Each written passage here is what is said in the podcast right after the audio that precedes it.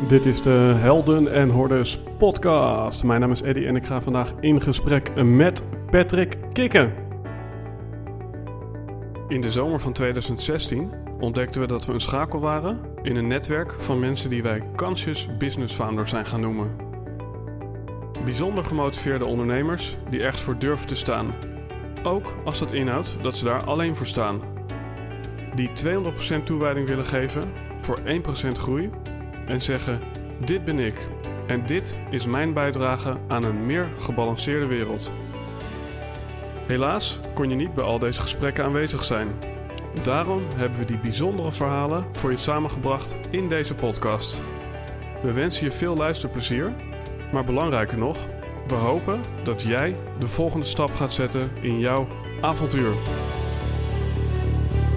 Alright, ladies and gentlemen, vooral thuis. Dit is de eerste Helden en Hordes live, waarin we met publiek, maar zonder publiek iets gaan doen. Heel interessant. Um, te volgen via YouTube, Facebook, allerlei kanalen. Mede mogelijk gemaakt door de Pletterij in Haarlem, de Bibliotheek Haarlem en gesponsord door Chickpea Falafel met heerlijke broodjes. Misschien is het goed dat ik mijn gast even introduceer door middel van een kort verhaaltje. En even de outline voor de kijkers thuis. Wij gaan ongeveer 9 uur ook met jou in gesprek. En tot die tijd kan je allerlei dingen in de vorm van comments achterlaten. En dan uh, zou het zomaar kunnen dat Patrick hemzelf daar antwoord op gaat geven. Um, even te beginnen bij Patrick. Um, wat weet je zeker over stress nadat je hier meer dan 200 mensen over hebt geïnterviewd? Hoe kom je terug naar een burn-out nadat je hebt besloten om niet meer terug te keren op de landelijke radio? En hoe reageert je omgeving als je besluit om voor onbepaalde tijd helemaal niet meer te werken? In deze zesde Helden en Hordes Live ga ik in gesprek met voormalig radio-dj Patrick Kikke, die na een flinke burn-out onderdook in de wereld van persoonlijke ontwikkeling. Als host van de podcast Leven zonder stress en als auteur van het boek met dezelfde titel, uh, ja, leerde Patrick van alles over angst en liefde, over stress en rust en over de wonderlijke wereld van non-dualiteit. Dus, beste luisteraar, schuif aan voor een close en personal gesprek rondom de ik-verkramping, de geluksillusie en waarom je je overhemden het beste bij de Action kunt kopen. Ladies and gentlemen, Patrick Kikken. Hoi. Oh, wauw. Applaus zelfs. Nu ga ik ineens denken dat het ertoe doet, wat we hier gaan zeggen. Nou, misschien is het mooi om hier te beginnen. Um, er valt natuurlijk veel over jou te zeggen. Het is zo dat waarschijnlijk de luisteraar door corona van alles heeft ervaren rondom werk en carrière. Sommige mensen zijn er heel erg op vooruit gegaan. Uh, anderen die hadden ineens geen werk meer. En nu zit ik tegenover iemand die op het vlak van werk en daar, ja, ik zou kunnen zeggen tegen de lamp is gelopen, ook een hoop heeft ervaren. Maar niet zozeer door corona, maar al jaren daarvoor. Misschien is het goed dat je daar zelf even oppakt. Ja, eerlijk gezegd heb ik nog nooit een dag in mijn leven gewerkt. En ik weet dat dat heel arrogant klinkt. Maar dat is natuurlijk als je van je hobby je werk kan maken, dan, dan voelt het helemaal niet als werk. Maar ja, zoals met alles zit in het uh, mooie, lelijke ook al opgesloten. Uh, dan is de grens ook weg tussen hobby en werk. Dus dan zeg je ook maar overal ja op, want alles is leuk. En uh, waarom zou ik dat er niet nog even bij doen? En dat, is ook, dat lijkt ook hobby. En oh, daar krijg ik ook nog geld voor, maar dat zou ik ook gratis doen. Dus laat ik er ook maar ja op zeggen. Dus ja, daar kan je natuurlijk ook van een burn-out terechtkomen. Dat je dat, dat te veel leuke dingen doen. Mensen denken vaak bij een burn-out dat alles je tegenstaat wat je doet. Maar te veel van te leuk is ook te veel. -hmm. Te veel van te leuk is ook te veel. Mooie quote. Maar er zit toch een interessante verschuiving in bij jou. Want je hebt denk ik een tijd lang voor een uh, ja, bovenmodaal salaris gewerkt. Ja. Um, en toen kwam er een tijd waarin je geen euro uh, omzette. Nee, maar ja, ik, nou, ik, ik, verdien natuurlijk na die radiotijd ook nog wel wat geld. Bijvoorbeeld met het schrijven van dit boek. Maar ik schrijf ook columns over radio. Het viel me op dat die eerste euro die ik verdiende met het schrijven van een column... die, was veel waar, die voelde veel waardevoller dan die, laten we zeggen, 5 of 10.000 euro... die ik op het laatst nog verdiende met die radioprogramma's. Bedoel, geld is natuurlijk iets geks. Als je het gestort krijgt en je bent er niet trots op wat je zit te doen... ik weet niet of je dat herkent, of dat iemand het mhm. thuis herkent, of hier... Ja, dat voelt vies bijna. Tenminste, voor mij voelde dat vies. Ik bedoel, ik wil niet beloond worden voor iets waar ik helemaal niet meer achter sta. Of waar ik geen voldoening meer mhm. uithaal. Ja, dan zou je kunnen zeggen dat we in een tijd leven waarin het steeds makkelijker wordt om iets te doen wat je leuk vindt. Mm -hmm. Zijn er ook dingen die daardoor moeilijker zijn geworden? Nou ja, keuzestress kun je daar natuurlijk van krijgen. Alles lijkt leuk, alles, alles lijkt mogelijk. Maar ja, ik heb toch wel geleerd een beetje te volgen van wat er zich aandient. Ik, bedoel, ik had vanavond natuurlijk ook... Kijk, als ik tegen mezelf zeg... waarom staan we vandaag niet in Ahoy of in de Ziggo Dome? Mhm. Ja, dan maak ik dit alweer tot iets minder waardevols. De- ik- ben niet zo van het doelen stellen in het leven. Ik bedoel, dit is nu leuk. Dit, en dan kijken er tien mensen, kijken er honderd mensen. Wordt het later nog een keer honderd keer bekeken. Zo be it, weet je. Het gaat, Mhm. het gaat om het plezier in het doen zelf. Dus, wat was je vraag alweer? Nou ja, eh, ik ga er gewoon op door. Van, Ja. Heeft het een rol gespeeld voor jou ehm, dat je inderdaad in een grote auto kon rijden, dat je veel verdiende? Heeft dat een belangrijke rol gespeeld in het feit dat je lang een bekend Veronica en 3FM-DJ bent geweest? Nee, tuurlijk. Op een gegeven moment eh, kom- komen er voordeeltjes erbij kijken. Hè. Dan mag je gratis naar de film. En dan tonen een bepaald type vrouw to- toont interesse in je... die normaal gesproken niet interesse in je zou tonen. Dat zijn natuurlijk allemaal de voordeeltjes. Maar daar hou je het maar een x-aantal maanden... of in mijn geval negen maanden nog op vol. Want Mhm. ja, die voordeeltjes die wegen natuurlijk niet er tegenop... dat je dat wat je doet zo Ja. leuk moet vinden.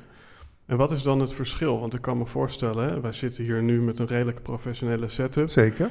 Ehm, ja, dat, dat je op papier weinig verschillen ziet tussen wat je deed bij Veronica en 3FM en dat wat je nu doet. Namelijk ook interviews, gesprekken, Ja. mensen entertainen. Wat, wat is dan het wezenlijke verschil, behalve, Nou ja. behalve dat getal op die rekening? Dat, nou, en kleinschaliger, je bereikt minder mensen. Maar het valt me wel op dat podcastpubliek veel loyaler is. Luisteren beter. Mhm. Als jij iedere dag vier uur op de radio bent, zoals ik het laatste, eh, het laatste jaar bij Veronica, ja, je staat aan. Weet je, maar de impact van wat je zegt is natuurlijk kleiner.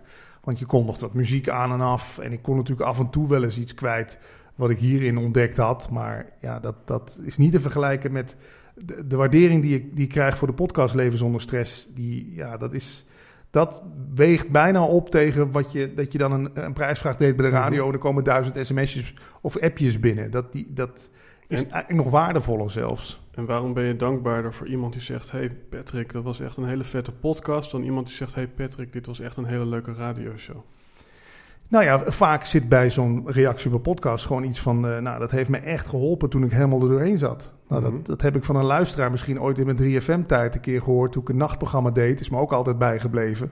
Een of andere vrachtwagenchauffeur die zei van... je hebt me toen echt door die nacht heen getrokken... want ik, ik, ik, ja, ik hield het gewoon niet meer. En toen was jij op de radio. Dat heeft me heel erg geholpen. Ja, Maar vaak appjes bij de radio is oppervlakkiger. Hé, hey, ik heb je op de radio gehoord. Ja, ja. leuk.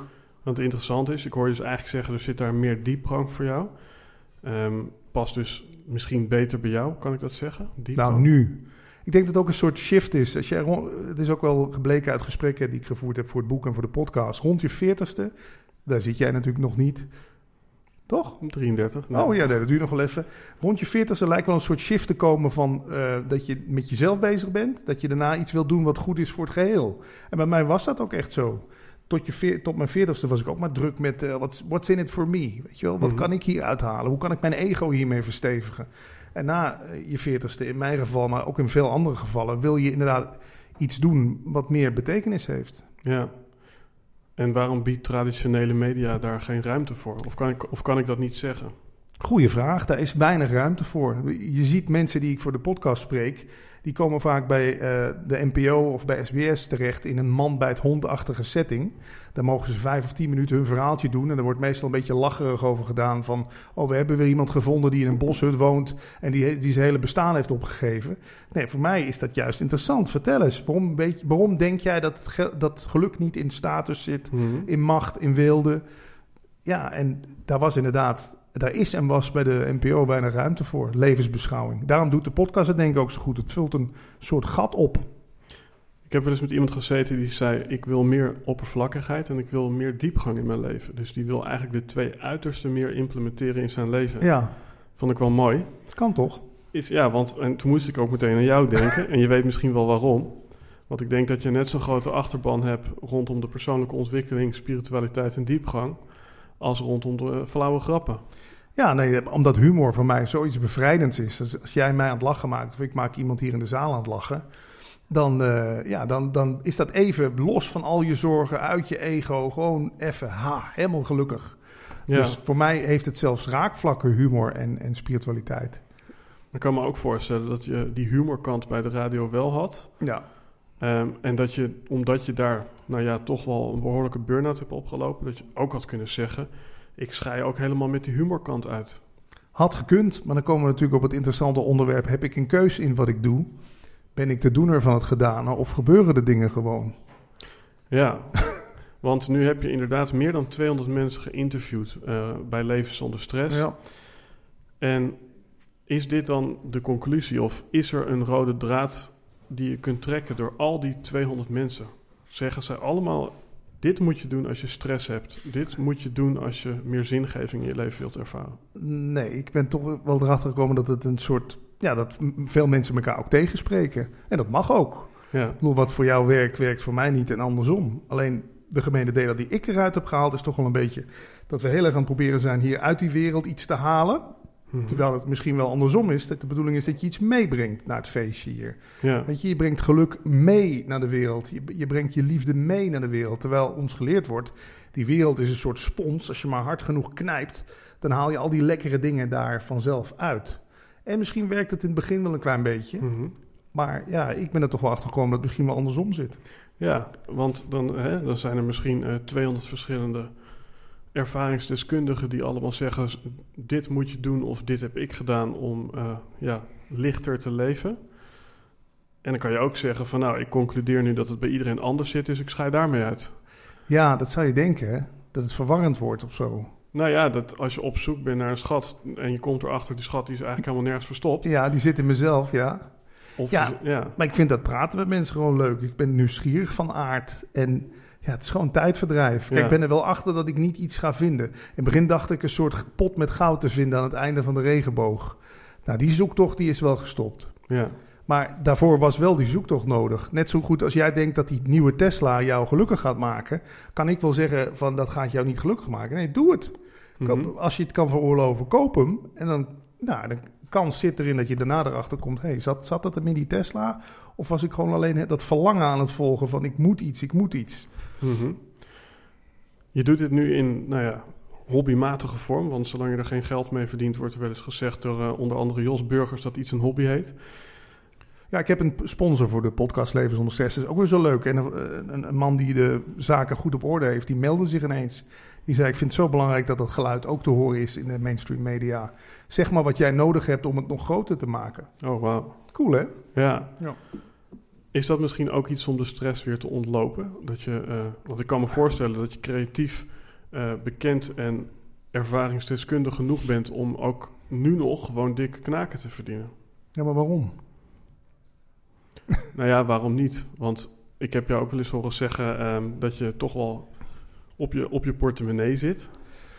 Nou ja, ik wil het gewoon proberen zo lang mogelijk met mijn spaarcentjes eh, eh, vol te houden. En, maar geld geeft ook stress, hè? vergis je niet. Ik las vandaag eh, in de krant dat de inflatie alweer met 1, zoveel procent gestegen is. Dus jouw geld, want je, stel je hebt 50.000 euro op de bank, is dus nu alweer 1,6 procent per euro minder waard geworden. Ja, Geeft ook stress. Ik bedoel, al, eigenlijk al, al die dingen waarvan wij denken dat we er afhankelijk van zijn, geld, tijd, ja, daar zit stress al in eigenlijk. ja. Dus waarom zou ik mezelf nog meer stress op de hals halen door nog meer facturen, geld, toestanden? Mhm. Ja. Voor Ik mij heb- is de beloning dit. ja.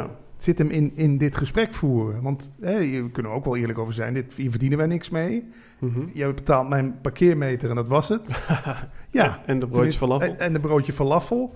Dan zou ik kunnen denken, ja, ik ga een beetje helemaal naar Haarlem rijden. Wat, wat, wat schiet ik daarmee op? Ja, Nee, maar ik, doe, ik hoop ook dat ik dit niet voor mezelf doe. Ik, blijkbaar was het nu de bedoeling dat wij elkaar hier zouden spreken. ja. Misschien, misschien even een, eh, ja, iets dieper, hè? Ik weet dat er mensen in de zaal eh, eh, zitten die, die hebben vooraf gezegd van... hé, hey, ik mag ook wat minder stress, dus ik zit hier goed. Oké.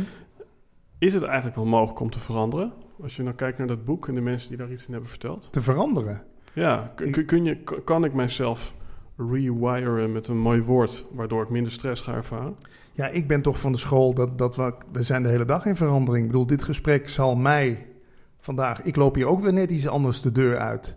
Alleen Mhm. wij zijn gewend natuurlijk grote veranderingen. Hè? Dat ik vanaf morgen stop met roken en overmorgen dan begin ik met afvallen. En volgende week ben ik vijf kilo lichter. En Mhm. ja, ik vind het mooie voorbeeld wat Paul altijd eh, geeft. Paul Smit eh, in de podcast praat over bewustzijn. Gras groeit niet harder door eraan te trekken.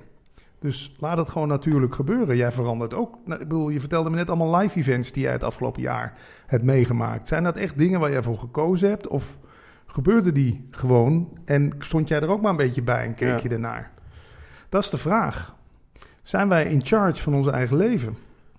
Kan je daarmee stellen dat, dat je alleen, nou, dat klinkt misschien heel depressief, maar dat je alleen invloed hebt op de minder belangrijke dingen? Want ik zit dan te denken, ik heb niet gekozen waar ik geboren ben. Ik heb niet gekozen of ik wel of niet ziek word. Man of vrouw werd. Ja, Ja. dus, dus ja, he- heb ik eigenlijk alleen maar invloed op de bullshit, of niet? Nou, begin eens met het begin van die zin. Je begint met ik. Hè? Dat, Mhm. dat vind ik zo interessant. Daar heb ik natuurlijk jarenlang ook al in verdiept met Paul samen. Is die ik niet gewoon een verzinsel achteraf? Weet je, jij, jij drinkt net een slokje cola, maar in het drinken van die cola zit eigenlijk geen ik. Ik wil niet meteen te abstract maken, want ik zie een paar mensen al, al gapen en afhaken. Maar, nee, maar da- daar zit wel de kern van het probleem. Die ik die wij overal op projecteren. Mhm. Ik bedoel, een kind tot drie. Stel, je zit een kind van drie en die gooit dit glas water om. Dan denken we alleen maar, ah, wat lief. Die wist niet beter. Ja. Maar vanaf drie jaar wordt er in jou een soort doener geprojecteerd. Dan komt er een ik op jouw voorhoofd te staan. En nu had je beter moeten weten, Eddie, je had dat glas niet moeten omgooien. Dat is fout van jou.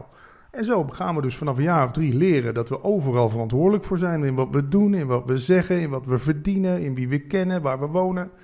Mhm. En, en dat is zo mooi. Je moet die ik maar eens onder de loep nemen. Iedere zin die je zegt van ja, maar ik heb toch wel vrije wil. Ja, maar begin eens vooraan bij die ik. Is die wel werkelijk? Ja. En wanneer zeggen we, ik heb dit gedaan?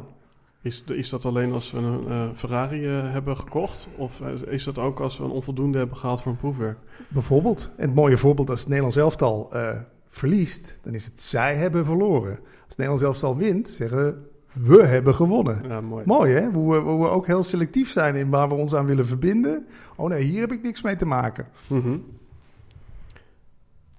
Terug naar het onderwerp burn-out. Hm. Wat misschien toch een beetje een rode draad is in deze podcast.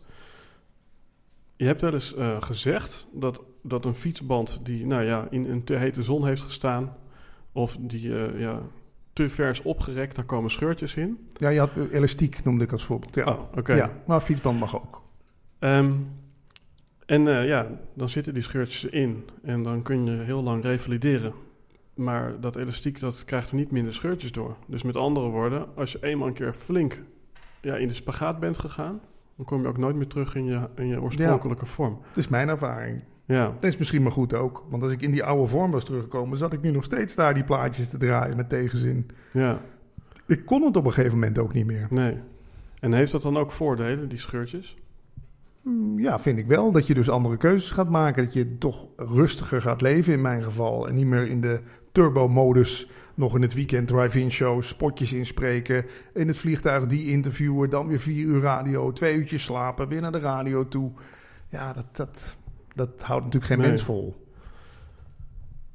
Ik heb eh, hier op mijn blaadje staan van je wond je werk maken. Dat is eh, volgens mij ook een tekst die staat in de aankondiging. Ja, wat eigenlijk insinueert dat je iets vervelends meemaakt en dat je daar vervolgens eh, ja, iets mee gaat doen. Dus iemand, eh bij wijze van spreken, die eh gisteren is vreemd gegaan en vandaag daardoor relatiecoach wordt. of iemand die eergisteren failliet is gegaan en vandaag dan budgetcoach wordt. Mhm.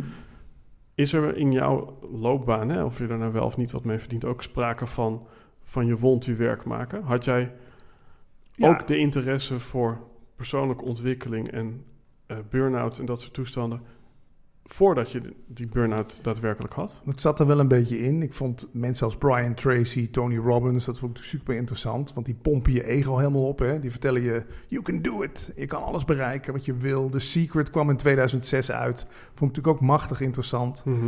Maar ja, dat werkte allemaal maar eventjes. Dat ha- gaat dan toch weer rondom die ik. Dat probeert jouw ik een soort van te verstevigen. Maar ja, ik zag dat meer als een soort plumpudding die daarna weer in elkaar zakte. Of een soort kaartenhuis wat bij de minste of geringste vlaag, hup, ook weer omver ging. Dus eh, eh, wat, als je het hebt over van je wond je werk maken. eh, Alles wat ik bij de radio heb geleerd, heb ik natuurlijk wel in, kan ik nu in die podcast stoppen. Dus interviewen, ehm, weten hoe je het een beetje moet positioneren. Je hebt wat meer volgers op, op Twitter, dus je kan die afleveringen ook een beetje goed promoten. Ja, ik, mensen vragen wel eens aan me van... hoe kan het dat ik jou nu niet meer op de radio hoor? Dan zeg ik altijd, ja, ik was blijkbaar ergens anders nodig.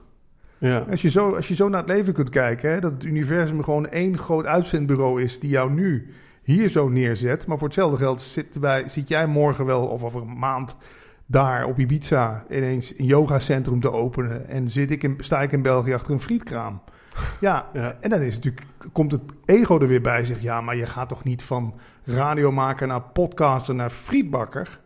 Ja, maar als ik daar nou blij van zou worden om gewoon Ja. lekker frieten te bakken voor mensen in, in- met lekkere Vlaamse mayonaise erop. Waarom niet dan? Maar wie Mhm. zegt dat het een beter of slechter is dan het ander? Ja, en is dat.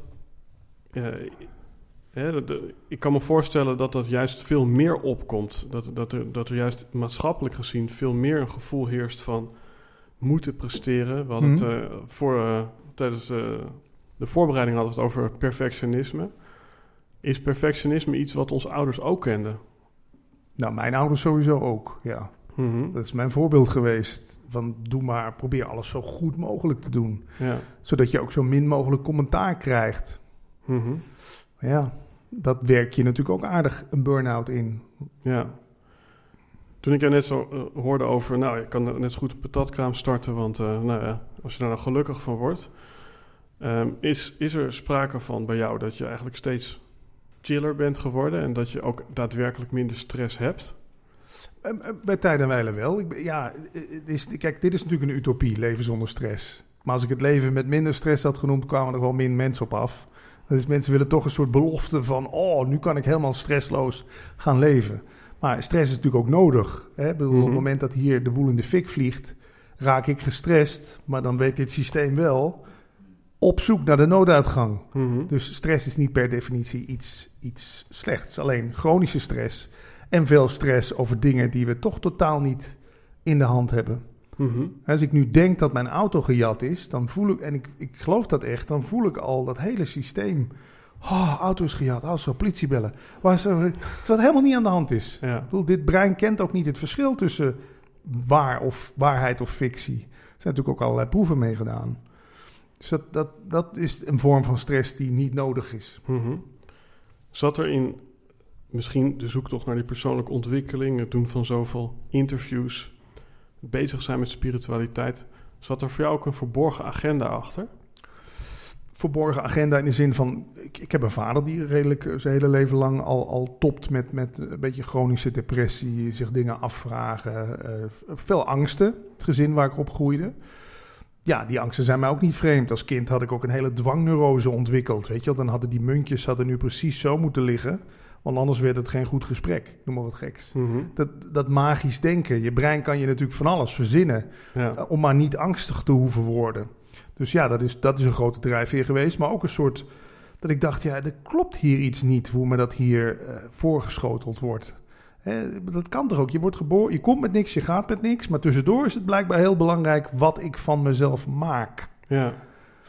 Ja, ik durf daar toch vraagtekens bij te stellen. Hoe kom je dan toch terecht bij, eh, ja, ik noem het maar even de oppervlakkige wereld van de radio? Als, Ja, als, als dit er al zo vroeg in zat. Via mijn broer. Maar dat, dat is. ja, nee, dat is die. Was ook vier jaar ouder. Ja. Henry heet hij. En die deed dat al thuis. Ik zat als een soort computernerd alleen maar op mijn Commodore 64 eh, eh, in machinetaal te programmeren. En hij was plaatjes aan het draaien. En dan kom je bij iets anders wat dit organisme blijkbaar stuurt. Dat is seksuele selectie.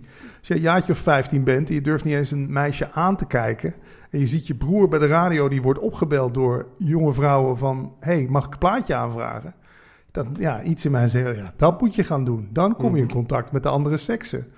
Dus ja, ik wil het niet helemaal tot dat terugbrengen. Maar dat was wel een hele... Ik denk dat dat sowieso een hele grote drijver is voor alles wat we doen. Ik bedoel, die Tesla die we kopen, die nieuwe broek, die, die zonnebank die we pakken, die, die dure zonnebril. Ja. Nou ja, want, want daar zit wel een soort van interessant spagaat bij jou. Want ehm, aan de ene kant ja, heb je dat pad, zou je kunnen zeggen, bewandeld van seksuele selectie. Maar aan de andere kant ben jij ook het icoon voor... ik koop eh, mijn t-shirt bij de Aldi en... eh, De en- slippers bij de Action, ja. Precies. Ja, omdat het ook voor mij een soort fuck you naar het kapitalisme is. Ik heb me natuurlijk ook laten verleiden Is door... dat, is dat daarmee eigenlijk ook seksuele selectie, die slippers die je nu aan hebt? Ja, maar dat zijn gewoon Gastra slippers. Dus. Oké. Wel al heel oud. Nee, maar het kapitalisme is natuurlijk iets wat ons de hele tijd die worst voorhoudt van... Jij bent nog net niet goed genoeg. Als jij nou een t-shirt zou hebben met die swoosh van Nike erop... Eddie, dan was jij de man. Of als jij een Rolex om zou hebben of een Tesla zou rijden, noem het allemaal op. Heb jij nog een iPhone 10? Hoe kan het dat jij nog geen iPhone 11 hebt? Weet je? Dat is wat reclame ons de hele dag vertelt. Nou, mijn fuck you tegen, tegen het kapitalisme is toch... Ik, uh, ik trap daar niet meer in. En voor mij zijn de slippers van de Action net zo goed als de slippers die 50, 60, 70 euro kosten. Ja. Het is ook een soort experiment. En wat maakt dan toch dat je net je auto noemt als... Uh, Oeh, als je er nog maar staat.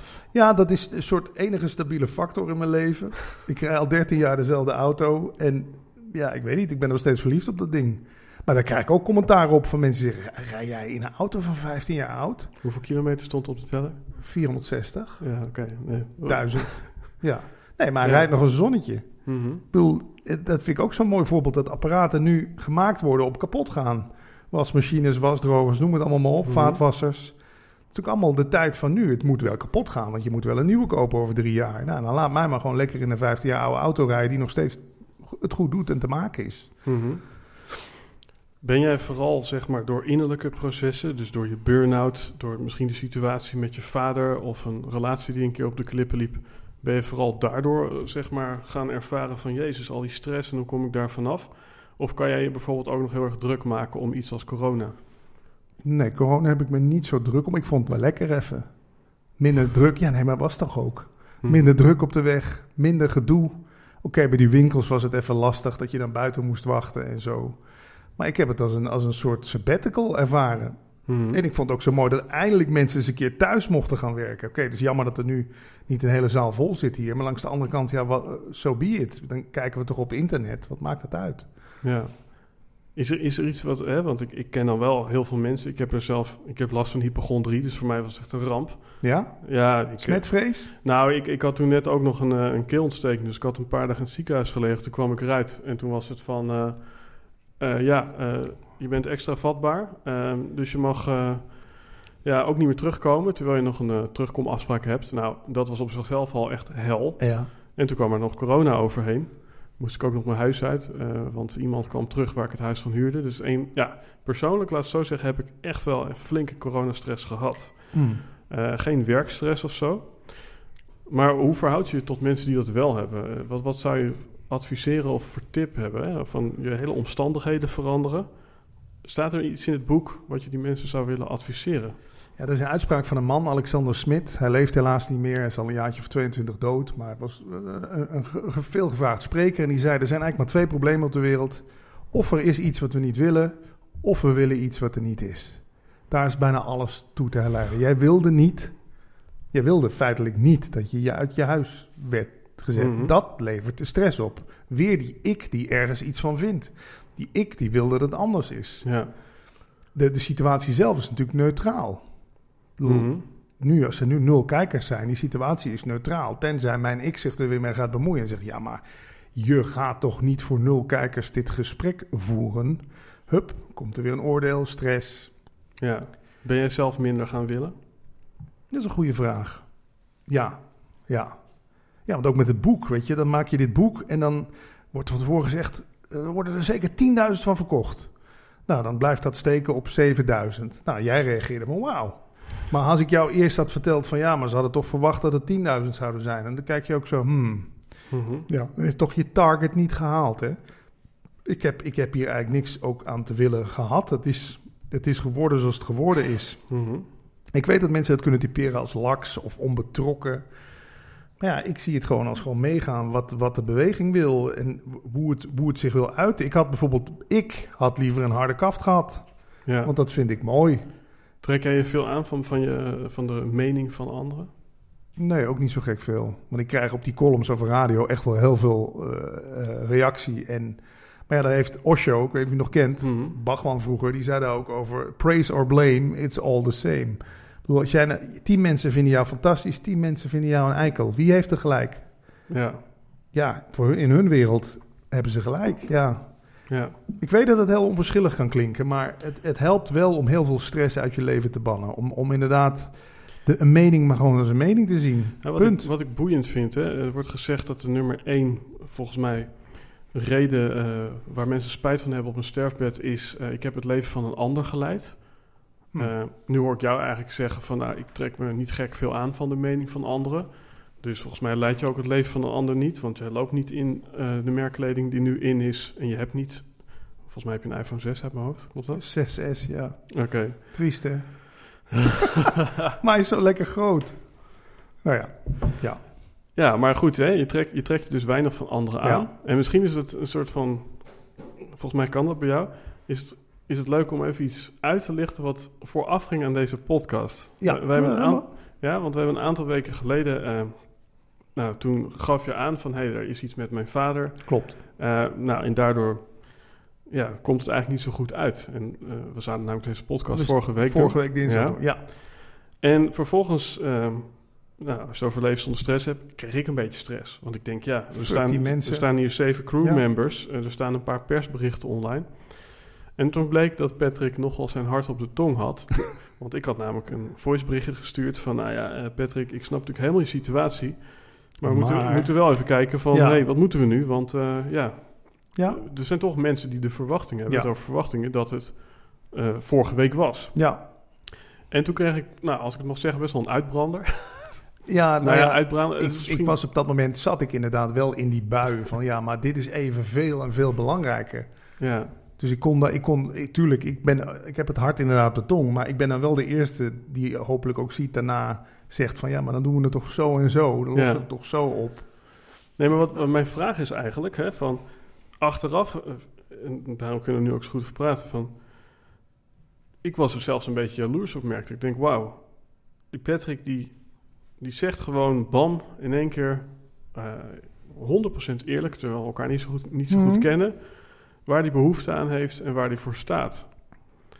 En ik vind het interessant, ehm, als je dus aan de ene kant zegt, nou ik trek me niet heel veel van, van anderen aan, en aan de andere kant eigenlijk altijd gewoon je hart op de tong hebt, dus, Hmm. dus zegt wat je voelt, is het dan niet ook zo dat je daardoor bijna geen stress kunt ervaren? Want is stress niet altijd een verwachting of een projectie of een verwachting van buitenaf? Frictie met, met wat is, of inderdaad de angst dat jij het mij wel eens zou kunnen afwijzen. Het is natuurlijk de angst voor afwijzing die daaronder zit. Hè? Ja, wijs mij maar af. Weet je, als jij daarna Ja. mij geblokkeerd had, ja, zo so be it. Ja. En wat, wat geeft jou dan nog wel stress als, als, als je niet afgewezen kan worden op eh, je action eh, t-shirt, zeg maar? Nou, ik zie nog wel eens lampjes branden in mijn auto. En ik denk, hé, hey, die heb ik nog niet eerder gezien. Zolang het gele lampjes zijn, vind ik het prima. Maar als die dan iets met rood motorstoring... Mhm. Dat, maar dan vind ik het ook wel weer tegelijkertijd spannend. Ik weet niet of je dat kent. Vaak denk ik, dat is leuke spanning. Dat is leuke stress. Want dan denk ik, oh, dan kan ik die gasten weer bellen... die altijd aan mijn auto zitten sleutelen. En dan... Maar in eerste instantie, als je natuurlijk ergens langs de kant van de weg staat... ja, maar ja, dat is dan een soort functionele stress... zal ik het dan maar noemen. Ja, precies. Zijn de mensen in het boek vooral aan het woord over functionele of over irreële stress? Ja, beide. Elko Smit staat ook in het boek, die ken je ook. Hè? Mhm. Is natuurlijk een business coach, dus die is wel gewend om met hele gestreste CEO's en zo om te gaan. Die vertelt daar wat over. Maar ja, wat mijn hartje toch gestolen heeft, zijn de mensen die zeggen dat eh, stress een vergissing is. Dat, dat stress eigenlijk een signaal is dat je aan het verkijken bent op wat er op dat moment gebeurt. Dat je er toch weer iets op projecteert wat jij vindt. Het is eigenlijk een soort arrogantie. We zijn natuurlijk zo arrogant dat wij vinden dat wij mogen, moeten en mogen bepalen wat voor een vorm het leven krijgt. Mhm. Maar als we naar de natuur kijken, denk je nou werkelijk dat die rups er een keuze in heeft dat hij een vlinder wordt? Of dat hij daar stress van heeft? Terwijl die hele, die popfase, dat is echt één grote soep rotzooi waar die in terecht komt. Maar ja, dat, dat, dat, die, dat gebeurt gewoon. We, wij, wij plakken daar ook geen ik op. Je, ik de rups, die ik de vlinder wordt. Mhm. Nou, wij mensen hebben ons natuurlijk helemaal afgescheiden van de natuur. We doen alsof we iets heel anders zijn dan die plant daar. Het ziet er natuurlijk ook zo uit dat wij niet. Maar dit leeft ook natuurlijk. Maar dit vraagt zich niet af waarom sta ik nou niet vooraan het podium. Had ik nou maar Die plant is veel groter, die heeft mooiere bladeren. En wanneer krijg ik water en wat is het hier voor een bende? Dat, dat doet dat ding niet. Maar wij hebben natuurlijk een intellect wat zich de hele dag maar zit te bemoeien met alles. Dat is wel het leuke, want eh, een soort van trademark van deze podcast is dat het altijd ergens midden in het groen is. Misschien Ja. om de luisteraar om de tuin te leiden, ik weet het niet. Maar er stond hier net zo'n Ja. soort van houten statiefje. En ik zeg, nee, die plant die moet daarop staan. Ja, Wat misschien, ja, geïnterpreteerd kan worden als... nee, die plant die heeft ook gewoon een ik en die is net zo belangrijk... en we gaan potverdomme die plant er ook gewoon Ja. bij betrekken. nou, die maakt het echt niks uit dat hij nu hier achter staat hoor. Het zou kunnen, misschien hebben we het nog niet ontdekt. Mhm. Maar ja, dat, wij, wij denken echt dat we buiten de natuur staan. Terwijl, dat is zo mooi, hè? ik denk dat we nog wel op non-dualiteit komen. Dat is natuurlijk mijn lievelingsonderwerp. Je, je zegt ook niet, ik groei mijn nagels. Dan verklaren mensen je voor gek. Nee, Je zegt ook niet, ik groei mijn haar. Weet je, maar je zegt wel nu, ik drink. Dat zeggen Ja. we dan wel. En proost. ik slik, proost. Maar zeg je daarna, ik slokdarm, ik verteer, ik maag. Nee, als het eruit komt, zeggen we weer ik plas. Dus zie je hoe, hoe we ook met die ik zo lekker selectief zijn... door het alleen maar op dingen te plakken die ons goed uitkomen. Hè? Oh, dat heb ik goed gedaan. Maar automatisch ook, oh, dat had ik beter moeten doen. Ik weet dat het moeilijk te geloven is dat, dat, dat alles van volautomatisch vanzelf gebeurt. Maar als je daar een beetje feeling voor krijgt krijg je een knap eh, rustig leven. Want dan hadden dingen dus ook niet anders kunnen gaan dan hoe ze gingen. Inclusief commentaar, inclusief gezeik, inclusief eh, prijzen die je ermee wint. Mhm. Dus gewoon eens wat minder de claim leggen op alles wat ik zogenaamd doe. Klassificeren, ja, of labelen of eh, Ja, toe-eigenen. Ja. ondertitelen.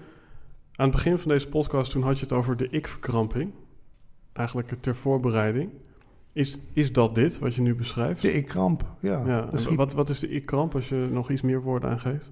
ja, daar schieten we in. Mhm. Als we iets ook niet willen voelen, dan gaan we maar eh, eh, het rationeel maken. Hè? Dus dan zeg jij iets heel naars tegen mij, dat raakt nog een stuk oud zeer of zo. Of wat mijn leraar vroeger altijd tegen me zei.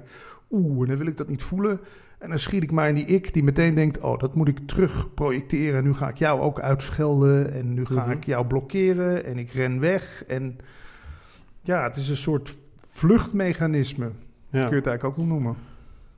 Is, is dat ook iets wat jij heel erg hebt gepraktiseerd om daar maar aan de slag te gaan? Want om het even zo te zeggen, hè, er is een verschil tussen, ja, kan je zeggen, leven en lezen. En dat is eigenlijk het verschil in informatie Hmm. tot je nemen of informatie toepassen. En nu heb jij belachelijk veel mensen gesproken. en dan heb je ook eh, waarschijnlijk al in je cassette recorder in je auto heb je heel wat eh, Brian Tracy en weet ik wat allemaal geluisterd. Maar ik zie jou, with all the respect, niet als iemand die dan 's ochtends opstaat, eh, de golden hour gaat doen, push-ups, een een of andere green smoothie neemt. Nee, Ja, ben je iemand die dat implementeert of ben je iemand die het alleen maar... maar die wat implementeert? Voor mij is het... Nou, al die tips van al die goeroes. Nee, omdat ik, waarom moet je, voor mij was dat de allerbelangrijkste boodschap die ik eruit gedestilleerd heb. Dat die ik maar gewoon een verzinsel achteraf is. En ik weet dat dat kan klinken alsof je dan een soort van nihilistische houding aanneemt. Nou, dan hoef ik dus ook niks meer te bereiken. Maar ja, weet je, als we daar nog een stap dieper in gaan, zijn er ook mensen die ik gesproken heb die zeggen dat dit maar gewoon een droom is. Weet je wel, dat Ja. dit een soort, dit is een soort gemeenschappelijke illusie waar we in zitten. Waar eigenlijk feitelijk niks van afhangt. Die ik is een verzinsel. En dan gaan ze zelfs nog verder. De wereld is een verzinsel, weet je. De wereld is, oh, dit is gewoon een droom die zich hier aan het afspelen is. Ja, dan denk ik op mijn beurt, dan laat het maar gewoon een prettige droom zijn dan. Ja. Wat zou ik er dan allemaal moeten aan... Wat moet dan allemaal druk doen over Maar verbeteringen? hoe, hoe, hoe luister je dan naar iemand hè, die zegt van eh, je moet eh, dit ontbijten of die zegt van eh, je moet deze meditatie doen? Ja, het zou kunnen. Het, het, blijkbaar heeft dit systeempje daar niet de behoefte to- toe. Nee, want, want dat, dat vind ik heel boeiend aan jou. Dat ik denk van, ik ben zelf daarin nogal een chameleon. En ik heb volgens mij jou ook wel eens horen zeggen dat je een chameleon bent, maar blijkbaar op een andere manier. Je kleurt je naar je omgeving. Ja, dus als ik een interview doe met iemand die zegt van, eh, nou je moet eh, koud douchen, eh, in ijsbaden gaan zitten. Nou, dan lig ik er morgen in, bij wijze van Ja. spreken. Maar jij niet. Nou, maar misschien tien jaar geleden wel. Toen was ik ook nog heel goed gelovig in die zin. ja, Maar op een gegeven moment ga je ook wel een beetje inzien dat het allemaal sleutelen is aan iets. Ja, het, ja, het zou kunnen werken. Misschien heb je daardoor wat meer energie en, Mhm. en maakt het jou, zit je lekkerder in je vel. Zijn er dingen of rituelen die je dan wel doet. Ook al is het pure bezigheidstherapie. Ik kijk heel veel documentaires. Daarin verlies je je natuurlijk ook. Dan zit je weer een documentaire te kijken over, uh, zoals nu uh, 25 jaar geleden, uh, wat er in Srebrenica gebeurd is. Natuurlijk voel ik mee met het verdriet van die mensen. Maar dan kom je. Ik heb door het kijken van al die documentaires. kom je erachter dat het allemaal universeel is. Verdriet is universeel, humor is universeel. Het is allemaal. Wat je daar ziet, maak je op dat moment eigenlijk zelf ook mee. Dus je gaat het minder persoonlijk zien allemaal. Want je, het is toch gek eigenlijk. Ik zie op tv dat iemand lijdt en ik leid mee. Ik heb ook verdriet. Hoe kan dat nou? Dus toch te ver van mijn bedshow?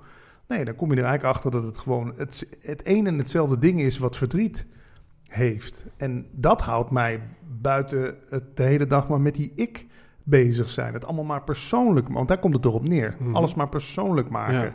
Nou, Eddie had er toch voor moeten zorgen dat hier twee flesjes van deze heerlijke Frits Cola stonden. Uh, ik heb nog twee muntjes. Uh, mogen wij twee cola? nou ja, uh, zonder gein. Misschien wel leuk. Maar uh, snap je, ik bedoel, dan maak ik het weer persoonlijk. Ik, ik ben, daar ben ik ook ik ben daar een meester in geweest om alles persoonlijk te maken. Echt. Dan was ik op vakantie, dan had ik de mooiste hotelkamer. En dan was er weer een vogeltje wat me zat te irriteren daar op, op, dat, op dat dak. En dan ging ik met, met, met nootjes proberen dat vogeltje van die dak te krijgen. Want het was niet perfect. Weet je, dat vogeltje was mij aan het irriteren.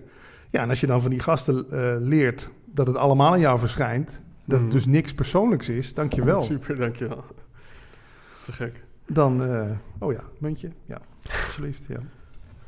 Kunnen nog een rondje geven zo. Nou, cheers. Ja. Maar, maar, maar zou je kunnen concluderen dat uh, dingen persoonlijk nemen de essentie is van misschien wel alle problemen die we als mensen ervaren? En zo rollen we langzaam naar non-dualiteit, geloof het of niet? zeker de mentale problematiek. Kijk, als, als jij dadelijk hier van, van dat ding dondert en je breekt je been, ja, mhm. dan moeten we daar wel wat aan doen, toch? Want anders lig je daar kermend van de pijn de rest van de avond en de nacht.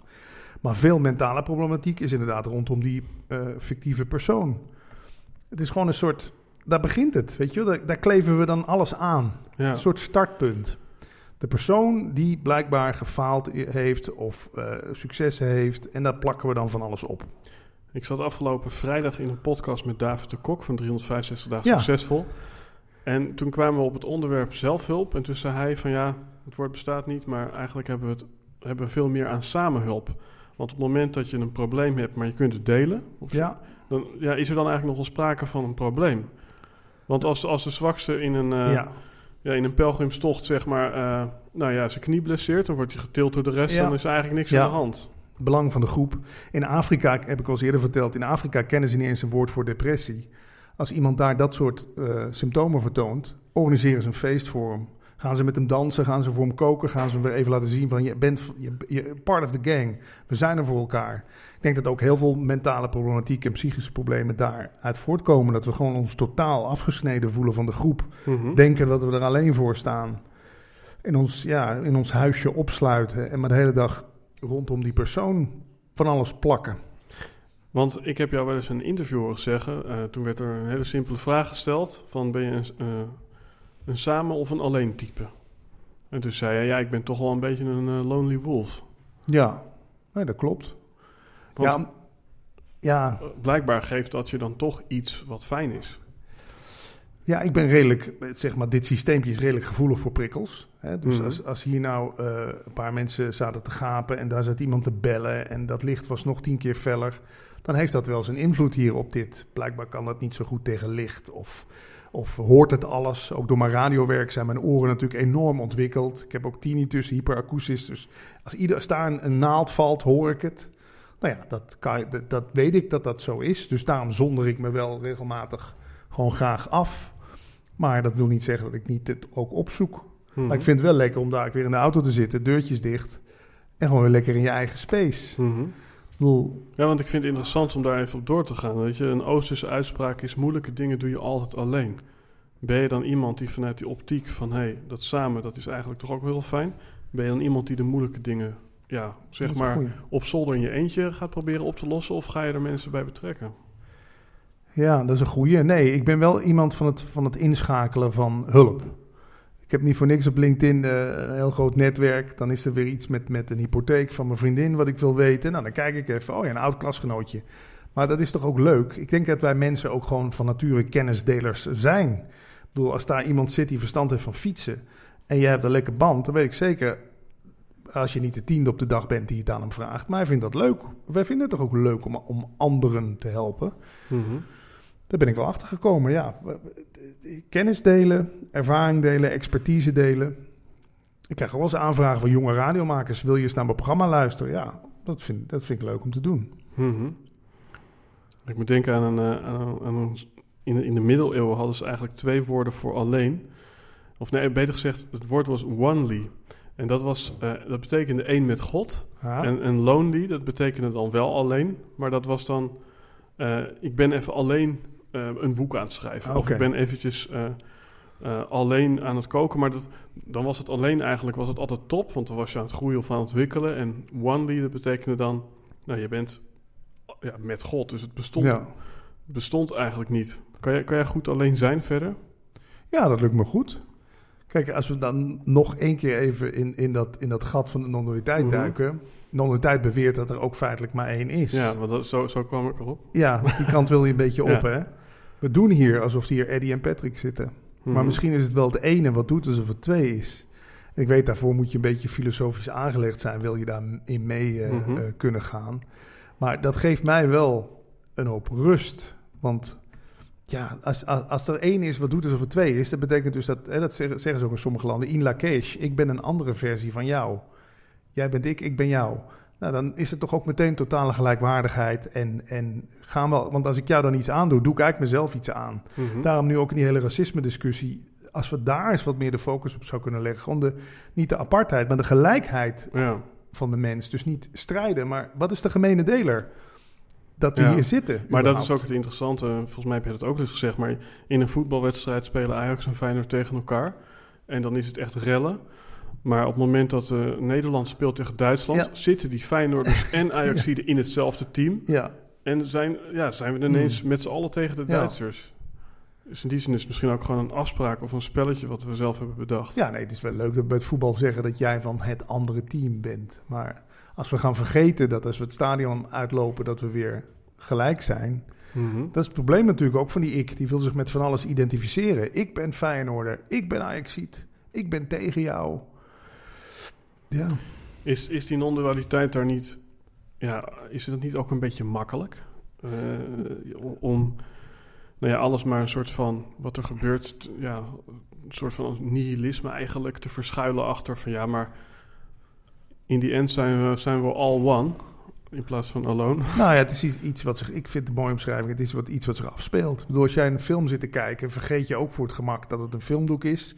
waarop een film geprojecteerd wordt. We gaan echt geloven dat dat echt is. Ja, Dus je mag, je mag ook blijven geloven dat het allemaal echt is. En dat jij echt Eddie bent en ik ben echt Patrick. Alleen als je een soort besef op de achtergrond hebt dat het maar gewoon een soort spel is, een soort personages, soort masker, persona is ook het woord voor masker, wat we opzetten. We doen even alsof hier Eddie en Patrick zitten. Mhm. Ja, dat maakt het toch al een stuk lichter en luchtiger. Dan kunnen we het nog wel serieus nemen. Van hallo, wacht eens even. Dat is, dit is de cola van Eddie. Dit is Patrick's cola. Dat is Patrick's boek. Staat ook Patrick op. Prima. Maar als ik me er heel erg mee ga vereenzelvigen. dan is bijna ieder boek wat niet verkocht wordt. Doet mij zeer. Want ik heb me hier zo mee vereenzelvigd. Er staat mijn naam op en dit is wie ik ben. Ik ben nu dit boek. ja. Doet pijn als jij iets naars over dit boek zegt. Want dit ben ik. Het is een Mhm. onderdeel van mij. Ik denk dat er heel veel mensen zeg maar meekijken of gekeken Echt? hebben. Of, eh, nou, misschien was het nog niet helemaal klaar. ik denk dat heel veel mensen meekijken rondom het thema burn-out of stress.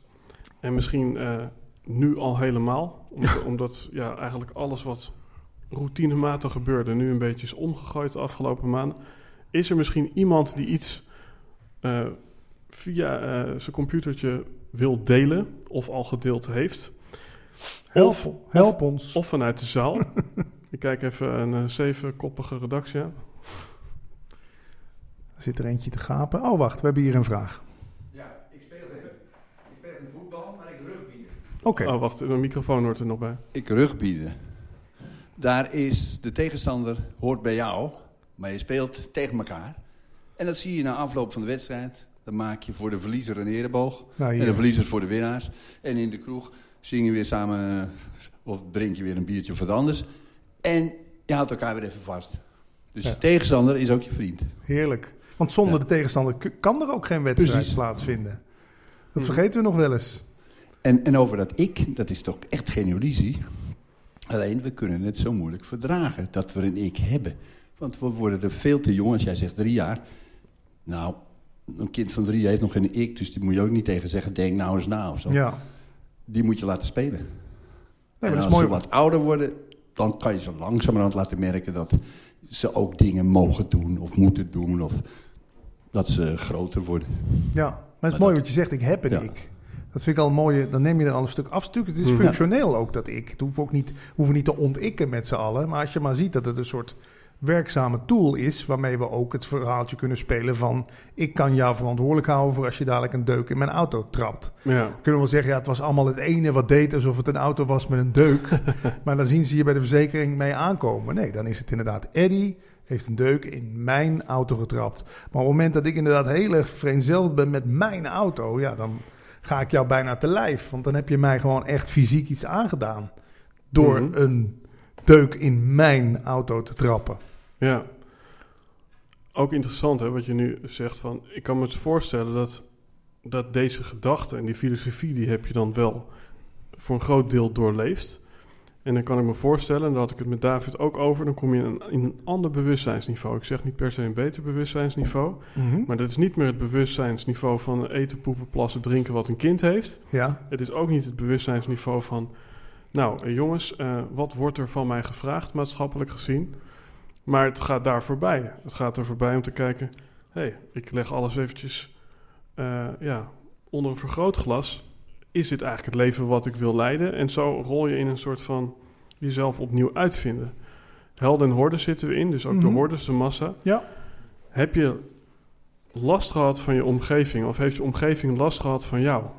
nou behoorlijk ja. Ja, zeg maar na dat punt dat je... Ook na het punt.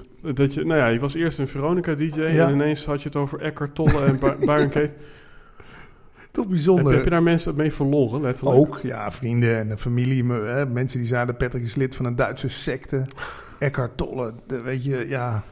Maar prima. En bij de radio was het Patrick ziet spoken. Die houdt zich met geestuitdrijvingen bezig. Ik weet niet wat ik allemaal gehoord heb. Mhm. Terwijl, ja, voor mij is het gewoon filosofie. En, en, en ik vind het leuk om eens over dat soort zaken te praten. Omdat je er ook eigenlijk nooit in de mainstream media iets over hoort. Over die ik. Die ik wordt eigenlijk nooit Mhm. in vragen gesteld. Weet je, er wordt altijd maar vanuit gegaan. Nee, ja, nee, dat is, jij bent Eddie met een vrije wil. Jij kiest voor alles. Jij doet, jij doet dit, je bent dit. Ja, dan vind ik het interessant om dan de andere kant eens te onderzoeken. Is dat werkelijk zo? Maar daar stoot je ook mensen mee voor het hoofd. Want als je natuurlijk een enorm ego hebt... en er wordt even in de filosofie beweerd dat dat ego ja, onderdeel is van een soort illusie... dat het eigenlijk feitelijk geen kracht heeft, ja... Mhm. Gaat dat maar... En eh, Elke Smit noemt dat spiritueel narcisme. ja, Dat je daar als het ware een identiteit van maakt en dat dat weer een ego-ding is. ja, kan ook. Ik geloof, hebben we een vraag? Ik zag iemand op de microfoon. Oh, en dan komt, Test. eh, Test 1, 2. One, two, one, two. One, two. Mike aan de mic. Maar we hebben nog een vraag uit Ja. het publiek. Ja, Dus eh, hopelijk eh, gaan we over vijf minuten ook eh, vragen kunnen beantwoorden Oh, doen we dat. via Ja. de chat. Maar dat is eh, goed. ja, stel je vraag. Pak die kans, pak de mic. Ja, dankjewel. Kun je iets eh concreet zeggen over het fenomeen dat je lichaam eigenlijk zo intelligent is dat het jouw stress eh, bevestigt? En dat jij met je ik daar tegen blijft vechten. Tot je lichaam gewoon zegt, ja, fuck you. Ja. Ja, je vertelde me net voor, vooraf natuurlijk al dat jij... Dat, ja, nee, het lichaam is één groot denkend organisme. We denken dat hier alleen maar gedacht wordt. Maar we kennen natuurlijk ook alle spreekwoorden. Wat heb je op je lever? Waar zit je mee in je maag? Dit, dit reageert en denkt de hele tijd. Hoe vaak krijg je niet, als je ineens aan iets denkt, kippenvel? Of je komt iemand tegen en je voelt die, voelt die chemie. Dus de- inderdaad, de- de- eigenlijk bepaalt dit systeem zelf al hoe jij je voelt en welke kant jij op beweegt. Zoiets ongrijpbaars ook als opwinding of geilheid of ineens hangt dat in de lucht. Ja, probeer dat maar eens te verklaren. Hoe kan het nou dat- wij geil worden van elkaar? Weet je, ik noem maar wat geks. Ja, dat is dat, dat, dat bestuur je natuurlijk niet. En Mhm. ja, en fysieke klachten ja, die, die remmen jou ook af. Of die geven jou ook een, een optater. Of die duwen jou ook een bepaalde richting uit. Staan er in het boek mensen die ja, iets zeggen over lichaamswerk? Want hè, we hebben het net over dat hele gedachtegoed van non-dualiteit. Maar staan er ook ja, eh, dingen die, die meer gaan over dat alles wat er zeg maar eh, onder eh, dat hoofd zit? Ehm, ja, ik ben zelf niet zo heel lichamelijk ingesteld. Dat was je misschien al opgevallen. Ehm, nee, natuurlijk. Ik, ik heb ook iemand geïnterviewd die op jonge leeftijd al een burn-out heeft gehad. Eh, zij is ook van platform Jong en Burn-out. Ja, die vertelde over alle symptomen eh, die ze had. Uitslag. eh, ik geloof zelfs een tijdje dat ze half verlamd is geweest. Doel je daar een beetje op? Of bedoel je echt Mhm. op lichaamswerk, reiki? eh, Nou ja, eigenlijk zowel aan de genezing als aan de symptoomkant. Van, het- ik, heb zelf inderdaad die keel. En toen ging ik ook meteen op zoek van ja, hoe kan dat nou? Weet je wel, heb ik, heb ik mijn stem te weinig laten klinken? Hmm. Of heb ik juist anderen Ja. te weinig het woord gegeven en heb ik te veel gepraat? het is misschien ook wel een beetje een verklaring zoeken voor dan, Mhm. denk ik, toch? Je wil, we willen ook graag dat dingen betekenis hebben natuurlijk. Ja. Ja. Je kan je ook, dat zie ik ook om me heen, ook wel in familie gebeuren. Je kan natuurlijk van ziekte ook een hele identiteit maken. Hè? Dan, dan Mhm. ben jij de, het slachtoffer en dan krijg je ook aandacht mee. En dan kan je ook eh, mooie sier mee maken, podcasts mee vullen. Mhm. De hele dag lekker klagen op Facebook. Ja. Ik, ik, had, ik heb, die tinnitus is een mooi voorbeeld. Heb, heb jij dat ook of niet, die pieptoon in je oor? Eh, nee, ja, ik heb wel eens gedacht dat ik het had en toen kreeg ik het ook. Maar het is nu weer, weg, het is Nou, weer weg, geloof ik. Kracht van gedachten. Nee, ik, ik, had, ik heb dus dat, die pieptoon, waar ik voor de rest niet bij bezig, is hij er ook niet. Ik werd ineens lid op Facebook van de Lotgenoten Tinnitus Facebookgroep. ik had ineens lotgenoten. Nou, die piep die werd vijf keer zo hard en ik was ineens patiënt blijkbaar. Want ik had lotgenoten en de hele dag mensen aan het typen van wat Of, of wordt het juist minder, want we hadden het net over dat als je dingen samen met Ja. mensen deelt, dan is het wat minder nou, erg, in toch? dit geval toch niet. Dus ik heb daar één dag in gezeten. En ja, dan kom je weer bij die spirituele clichés als wat je aandacht geeft groeit. Maar ja, het is natuurlijk wel zo. Zeker met zoiets ongrijpbaars als een pieptoon in je oor, fantoomgeluid. Ja. Is er, eh, Mike? Ja, zeker. Er is een vraag. Oh, cool. Kijk, Twee dat- vragen. Nou, één meer een soort van boze opmerking. Oh, of cool. een eh, misschien gezonde jaloezie. Van eh, Rens. Deze vraag krijg je vast vaker, maar jij bent financieel onafhankelijk en kan makkelijk adieu zeggen tegen je werk. Maar voor velen is geen baan, geen geld, huis kwijt, pardonboos geen optie. Ja. Ja, zo lijkt het in het verhaal. Dat is waar. Nee, nee ja, dat is zo. Maar de, de vraag is of ik het beter heb dan eh, eh, Rens. Rens. Bedoel, dat is ook maar, ja, ja, heb ik het beter dan Rens? Heeft Rens het beter dan ik? Ik, ik zou best wel weer iets van werk willen doen, maar wat ik nu doe, dat, ja, dat voelt niet als werk. Voor een ander zou dit misschien werk zijn. Dus ja, makkelijk praten, ja. Maar ik, op de een of andere manier wordt me dit ook gegund dat ik dit Mhm. gewoon kan doen. Ik heb natuurlijk wel, ik, een beetje slimmigheid is ook wel fijn. Als je natuurlijk naar een bepaald punt kijkt en denkt van nou, vanaf dat moment wil ik eigenlijk alleen nog maar hiermee bezig zijn. Maar ja, in mijn geval kon het ook niet anders. Ik weet niet of je dat gevoel kent. Als een relatie uitgewerkt is, dan kan je ook niet anders dan uit elkaar gaan. Je kan het nog lang vertragen, maar uiteindelijk bam, barst die bom toch. Mhm. Wat ook wel interessant is hierin, hè, van, we, hebben het heel vaak gehad, ook de afgelopen tien jaar, over geluk en succes. En ik moet opnieuw even aan 365 denken van eh, Nederland, gelukkigste land ter wereld. En eh, ja, eh, de 13 stappen naar succes. Wat, wat ik daarin niet hoor is betekenis. Dus als, als jij moest inzetten op het woord geluk of op het woord betekenis, wat is voor jou belangrijker? Hmm. Ja, ik heb al eens eerder bij jou gezegd, geluk is heel graag willen wat je al hebt. Hè? Mhm. Gewoon totaal senang zijn met wat er is. Oké, nu ben ik blijkbaar Patrick die een baan heeft. En die om acht uur s ochtends op moet of zeven uur. En die voor de kinderen moet zorgen. En, en, een- en een jaar later ben je dat ineens niet meer. Mhm. Hing daar je geluksniveau van af. En betekenis, ja, het is ook wel een beetje wat we eraan geven, toch? Ja. Ik bedoel, ja, ik kan natuurlijk wel heel erg ophouden. Ja, ik doe nu heel betekenisvol werk. Maar ja, ik weet het. Bij de radio had ik op dat moment ook het idee dat ik iets betekenisvol deed. Ik had echt het idee, als je mensen 's ochtends op de radio net iets vrolijker maakt, doen ze weer net iets leuker tegen diegene aan de telefoon, doen ze weer net iets leuker tegen hun collega's, krijg je een soort sneeuwbal-effect. Ja. Maar ja, of je dat nou bij, één mens doet, of je doet het bij honderdduizend mensen die naar de radio zitten te luisteren. Het zijn, ja, het, het zijn dan minder zaadjes die je plant, maar het heeft sowieso betekenis, toch? Misschien ook eventjes eh eh, durf te vragen, een stuk durf te vragen. We hebben het de hele tijd over stress en over burn-out, maar waar we het nog niet over gehad hebben is, wat is dan eigenlijk een burn-out volgens jou? En, en, en wanneer heb je hem wel of niet? Wanneer herken je hem? Waaraan herken Ja. je hem? Daar heb je waarschijnlijk ook diverse antwoorden op gehad. Het is een soort containerbegrip, eh, is het geworden. Ik bedoel, eh, laten we in het, in, het, in het slechtste geval even noemen dat het vaak ook is dat je gewoon totaal klaar bent met je werk. Het vervult je niet meer. Je hebt er geen zin meer in. Je collega's vinden je niet meer leuk. Je baas is een eikel. Nou, ga dat maar eens eerlijk zeggen tegen je baas. Hè? Stap maar eens naar je baas toe en zeg: Ik vind jou eigenlijk gewoon een eikel. En ik heb hier geen zin meer in. Dat doen we niet. Dan melden we ons ziek. Dus dat, dat ken ik ook wel. Dat, je, dat het een soort makkelijke uitweg is uit de misère waar je in zit. Dan maar burn-out. Het gebeurt natuurlijk ook dat mensen depressief zijn. En, maar dat, daar zit natuurlijk nog heel veel stigma op. Eh, Oeh, hij is depressief. Dan laten we het dan maar een burn-out noemen. Dat is tenminste een beetje sociaal geaccepteerd nu. Maar goed, dan is er natuurlijk ook de lichamelijke burn-out. Dat je gewoon echt gewoon niet meer je nest uit kunt komen. Dat het gewoon niet eens dat het een enorme opgave is om nog naar het toilet te lopen en terug. Heb ik ook gekend een aantal maanden. Ja, dan weet je echt wel dat het lichaam nu eindelijk ook aan het opgeven is. En dat je echt die overleefmodus, dat dat gewoon niet meer gaat. En je hebt ook nog zoiets als een bore-out. Daar zitten ook veel mensen dat je gewoon totaal onder je niveau zit te presteren. Weet je, je moet de hele dag stempeltjes zetten. Noem wat geks. Of je moet de hele dag dezelfde dingen intypen in Excel-sheet. Terwijl je Ja. denkt, ja, maar je zit nog zoveel meer creativiteit in.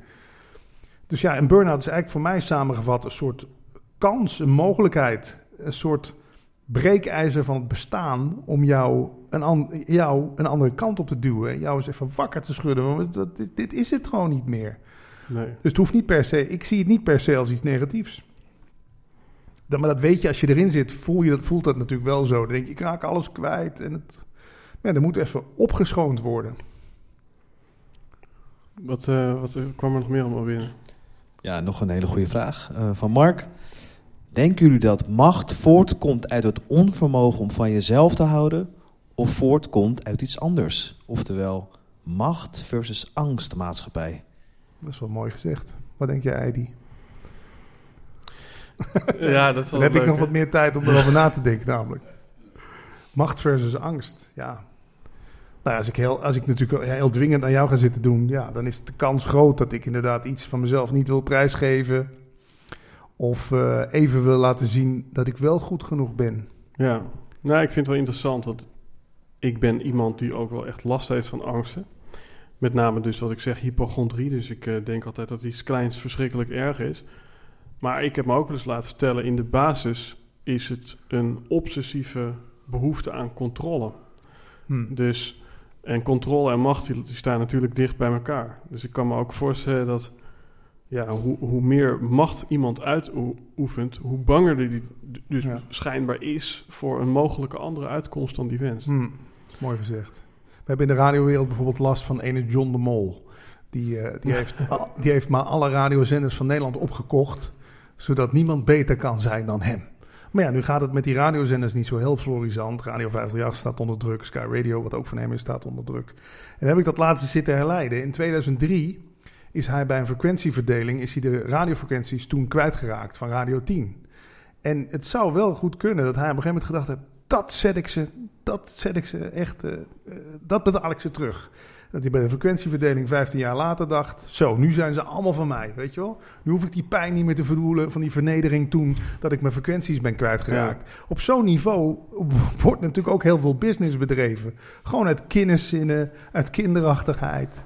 En ja, dan zie je dat dat ego eigenlijk nooit volwassen wordt. Dat, dat, dat, blij- dat blijft een bodemloze put waar je alles in kunt blijven gooien. Nooit voldaan, nooit vol. Mhm. En als je het over macht hebt, ja, dat is toch een man die behoorlijk in die wereld wat macht naar zich toe getrokken heeft. Ja. Wat een heel gek bruggetje is, maar wel binnen dit thema, dat is dat Paul Smit geloof ik een keer heeft gezegd dat een radio is eigenlijk helemaal niks. Net zoals dat een mens helemaal niks is. Maar als je aan die knop gaat draaien, dan komt hij op een andere frequentie Mhm. en dan komt er dus een ander geluid. Eh, met andere woorden, als jij dus ingetuned bent op een andere zender, dan komt er iets heel anders eh, tot uiting. Hmm. Met andere woorden, openstaan voor iets totaal anders. Ja, wat zich aandient. Ik Ja. zei op een gegeven moment ook, het wordt tijd om eens nieuwe bossen te gaan verkennen. Die radio, dat ken ik nu wel. Op een gegeven moment zit je natuurlijk ook gewoon in je plaf- tegen je plafond. Mhm.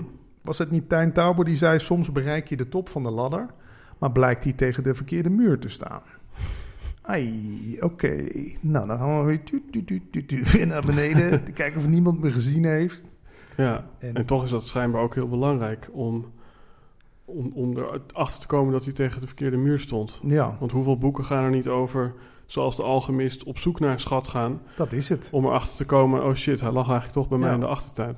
Maar daar komen we op iets interessants. Feitelijk wordt gezegd dat al die verhalen, hè, al die heldenverhalen, het zoeken naar de Lord of the Rings, My Precious, de ring, dat het eigenlijk allemaal gaat om weer terugvinden wat we denken dat we kwijt zijn geraakt. Namelijk de verbinding met het ene, zullen we maar zeggen. Ik weet, Ja. daar zijn allemaal godsdiensten omheen verzonnen. Hè, dan worden oorlogen over gevoerd. Dan denken we, dan moeten we hier een goed mens zijn, zodat we daarna weer opgenomen worden in Ja, de hemel. In, dat we eindelijk de beloning krijgen voor al ons harde werk. en, en waarom denken we dan dat we iets zijn kwijtgeraakt? Nou, we voelen ons, we, we, wanen ons afgescheiden van die bron. Kijk, we komen natuurlijk voort uit niets. Ik bedoel, dit is toch ook bijna niet voor te stellen. Hoe dan een mannelijke en een vrouwelijke cel, plop, en dan komt dit uit, Eddie, of dit. Dat is natuurlijk al waanzin dat dat überhaupt kan. En dan zijn wij zo arrogant om te denken dat we dit zelf doen, of dat dit iets losstaand is van een geheel. Ik bedoel, er is toch een kracht in het universum gaande die alles drijft. En de ene noemt dat God, de andere, Paul Smit noemt dat dan gewoon eh, oerenergie, weet ik hoe je het wil noemen. Maar ja, het maakt mij een stukje nederiger, ja. Want dan denk ja, dit is ook maar vanzelf ontstaan. Dit groeit allemaal vanzelf. Dit bepaalt zelf wanneer het dit niet meer klopt. Weet je, daar heb ik allemaal niks over te zeggen. Ja, als je daar, als je daar een beetje in durft te duiken, dan... Ja, en, en dat, daar gaan dus heel veel spirituele boeken over. Dat we ons daarom zo nietig voelen. Omdat we denken, oh fuck, ik heb me afgesneden van die ene bron. En ik ben dus eigenlijk de weg naar huis aan het zoeken de hele dag. Hoe kom ik weer terug waar ik vandaan kom? En ja, dat vind, ik vind dat wel een geruststellende gedachte. Dat dus ook heel veel mensen zeggen van ja, eh, ideeën verlaten de bron niet. De- de- het, het- uiteindelijk is alles ontstaan uit het ene, noem het de oerknal, wat dan ook. Dus je kan niet anders zijn dan dat Mhm. waar het uit ontstaan is. Dus ja, dat geeft mij wel. eh, Maar we denken dus dat we dat moeten verdienen. Hè, door ons goed, de beste versie van onszelf te worden. Dan pas kan ik me een soort van daaraan, kan ik daar aan tippen. Aan die universele kracht. God, weet ik hoe je het wil noemen. Ja, dat, ik vind dat een mooie, mooie gedachte. En ik zie dat ook steeds vaker terug in verhalen. In, ik hoor dat terug in muziek. En in heel veel boeken. Ja. Denk je dat dit, wat dus nu kleiner nog is dan de radio, hoewel jij volgens mij echt een mega grote podcast hebt, denk je dat het uiteindelijk ons allemaal gaat raken? Of is, is dit thema toch een beetje voor de gekkies? Ja, nee, zo mag je het noemen. Ja, de- de- daar moet je een soort, denk ik ook een soort rijp voor zijn. Maar het is geen goed of slecht in. Ik bedoel, maar de- feitelijk wordt ook wel eens gezegd... de bankrover, die is, op, die is op zoek naar hetzelfde... waar de spirituele zoeker naar op zoek is. Weet je, de bankrover denkt dat te bereiken... door 100.000 of een miljard, weet ik hoeveel die wil halen bij die bank... door dat bedrag te scoren, dat hij dan eindelijk vrij is... Eindelijk vrij van zorgen. Nou, de ander zoekt dat door de hele dag op een yogamatje te gaan zitten... De ander denkt, ik moet de wereld drie keer rondreizen. Dan kan Ja. ik dat ene vinden. Dus feitelijk zijn we natuurlijk allemaal op zoek naar hetzelfde. Alleen het, het uitzicht in... Zijn bedoel, er, zijn er nog dingen die jij dan moet in dat rijtje? Moet, moet jij nog de wereld rond of iets anders? nee, van, nee. nee, want waarom... Waar, waar moet ik het zoeken dan? Ik bedoel, als het toch al hier is, hier nu is... Hè, de kracht van het nu, Mhm. Eckhart Tolle... Het is er nu allemaal al. Wat zou het dan uitmaken of hier nu Eddie verschijnt... Ja. of een mooie blonde vrouw met grote borsten? En waar zit dan jouw zingeving om toch op te staan en te denken van nou ja, ik weet ongeveer eh, denk ik hoe het zit, maar eh, Nee, ja, dit, dit ding sta- staat gewoon op. 's ochtends. Probeer het maar eens. Zeggen mensen ook. Ja, als je dan volgens non-dualiteit gaat leven... dan lig ik de hele dag op de bank en dan doe ik niks. Probeer het maar eens. Ga maar eens proberen de hele dag op de bank liggen en niks. Het lukt je niet. Ja, misschien met heel veel zogenaamde wilskracht. Dit, dit moet vanzelf opstaan en gaan plassen. En krijgt honger. En, en dan verschijnt er weer dorst. En ja, als je het zo kan zien, dat het gewoon allemaal in jou verschijnt. En wat hebben we het nog niet eens over gehad, maar misschien is daar ook niet meer de tijd voor. Maar het, het, hè, daar hebben we het in, in de podcast Praten over Bewustzijn veel over. Als je nou eens de rollen omdraait. Hè, ik heb het als eerder tegen jou gezegd, de oude Indianen riepen het al. Niet jij verschijnt in de kamer. Nee, de kamer verschijnt in jou. Mhm. Wow, hoe kan, hoe kan dat nou? nou? Ben jij niet het ene bewustzijn waarin alles verschijnt? Nou, dan maakt het dus ook niet veel uit wat erin verschijnt. Want je bent al dat ene bewustzijn. Of er nou een microfoon in verschijnt, een leeg glas, een halfvol glas, koude kamer, warme kamer. Het, het, het doet er eigenlijk niet meer zoveel toe. Welke dia in het Ja. bewustzijn verschijnt. Snap je wat ik bedoel? Mhm. Dat je gewoon net alsof je een soort aan het zeppen bent. Nou, dan kijken we daar eens naar. En oh, dat is wel wat interessanter dan dat. Ja.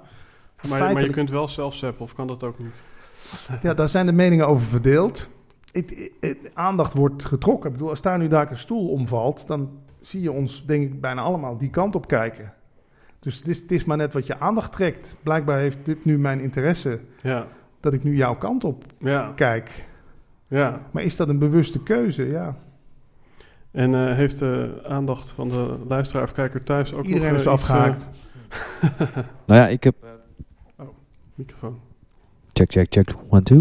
Er. Lekker colaatje. One, two. Hallo. Hey, ja. ik heb eigenlijk nog wel een vraag aan jou, Oh, eh, cool. Patrick. Cool, cool. Ehm, ja, dit gaat dus over burn-outs. Mhm. Eh, dat is eigenlijk de essentie van de, de- dit hele verhaal.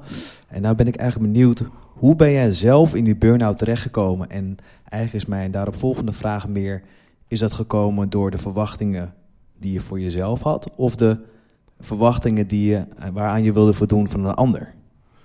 Ik denk, ik denk dat dat hand in hand gaat. Op de eerste plaats legde ik inderdaad de lat voor mezelf ook enorm hoog. En ik, ik kwam uit een situatie op school waarin ik tot de derde klas VWO of zo was ik meestal het beste van de klas. Ik hoefde daar niks voor te doen. Nou, dan kan je denken, nou, dat is lekker voor je. Ja, maar daar leer je dus wel van je dat er pas van je gehouden wordt als je ergens de beste in bent. Dus ik legde die lat voor mezelf ook steeds hier. Hè. Als je het hebt over perfectionisme. Dat houdt natuurlijk niemand vol. Ik bedoel, je, kan Ja. niet, je kan niet iedere dag voor een radioprogramma een 10 scoren.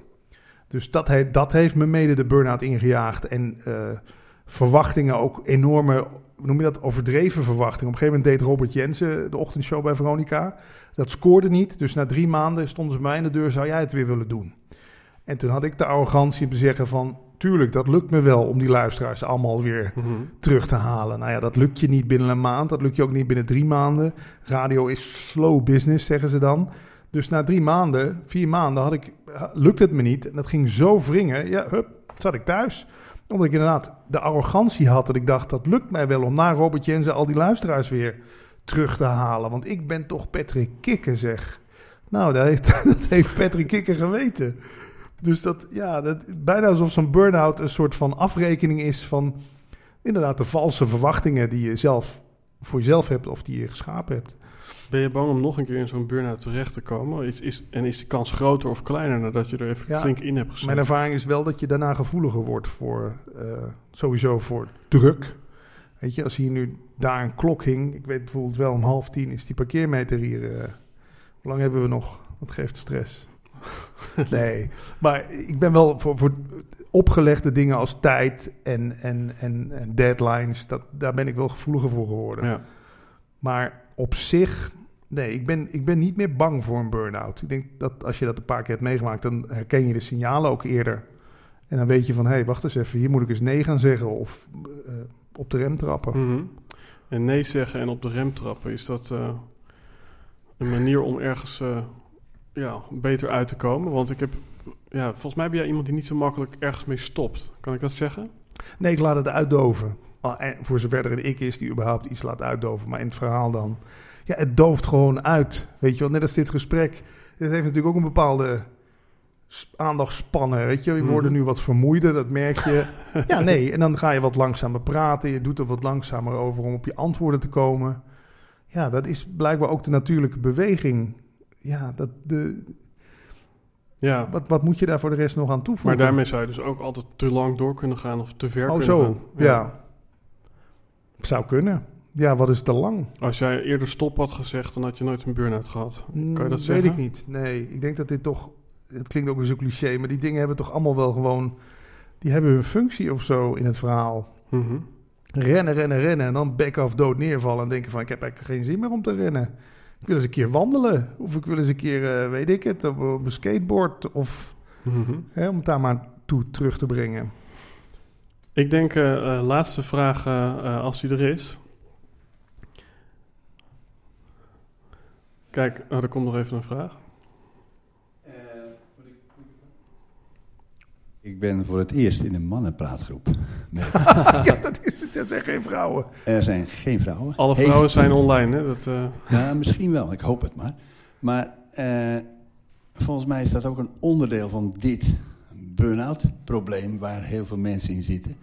Dat ze veel te eenzijdig, masculien, mannelijk bezig zijn. Zelfs de vrouwen moeten zich vaak eh, bewijzen in een mannelijke wereld en worden dan ook overspannen. Dus misschien eh, moeten Ja. we de kwaliteit van leven ook een beetje leren van de vrouwen. Ja, Ja. Maar ik ben heel blij dat ik eh, hier ben hoor. ja nee, Met nee, al wij, die mannen. wij ook hoor. Hebt misschien mooie het toevoeging. volgende boek, eh, Leven zonder mannen. Leven met vrouwen. Nee, ik, ja, ik moet altijd maar denken aan hoe mensen toch in bepaalde tribes leven. Hè. Daar, ik bedoel, de- je kent de term shamaan. Mhm. Hè, dat, shamaan was eigenlijk degene die eh, het niet meer lukte om goed te jagen. Weet je, dan zou je hier in Nederland zou je een soort van afgeschreven zijn. Het lukt jou niet meer om te jagen, nou ga jij maar ziek thuis zitten. Nee, wat deden ze met degene die niet meer zo goed kon jagen? Die zetten ze bij het vuur neer om het vuur aan te, aan te wakkeren. En mensen kwamen daarbij zitten, gingen vragen stellen. Hij werd shamaan. Hij werd degene die bij het vuur zat en die de problemen van mensen aanhoorde. Hij had gewoon ineens een andere functie. Eh, mooi voorbeeld vind ik ook in Amerika. Als je daar eh, failliet bent gegaan, zeggen mensen: top. Failliet, je hebt het geprobeerd. Ja, Moet je hier in Nederland eens failliet gaan? Oh, failliet gegaan? Ja. Ja. Slecht zeg, erg, ja.